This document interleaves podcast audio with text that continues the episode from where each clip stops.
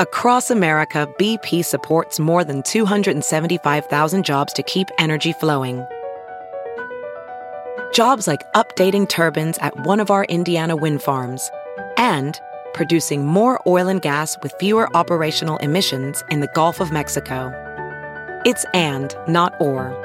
See what doing both means for energy nationwide at bp.com slash investing in America. And time now for the Kilcoyne Opinion. TKO brought to you by Auffenberg Dealer Group of Illinois. Jay Bouwmeester was at the rink on Tuesday. That's something you could have said for the past three decades. It was the norm. Of course he was at the rink. He plays hockey, and he's played a lot of hockey. But it's different now. After the cardiac episode a week ago, Bouwmeester's sightings at the rink are a big deal. Craig Berube told him, come around as often as you like. A quiet, respected pro who's been compared to E.F. Hutton. You know, when he talks, people listen.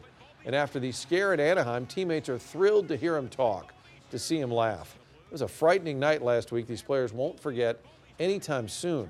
Officially, Bouwmeester has been put on the long term injured reserve, his hockey future clearly in question.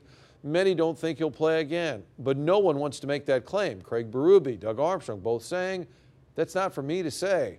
And it's true. When you've played nearly 1,200 NHL games, you get to announce when you've played your last. A lot of people wondering about his future, and basically Doug Armstrong said you'll hear from him next week. Smart move.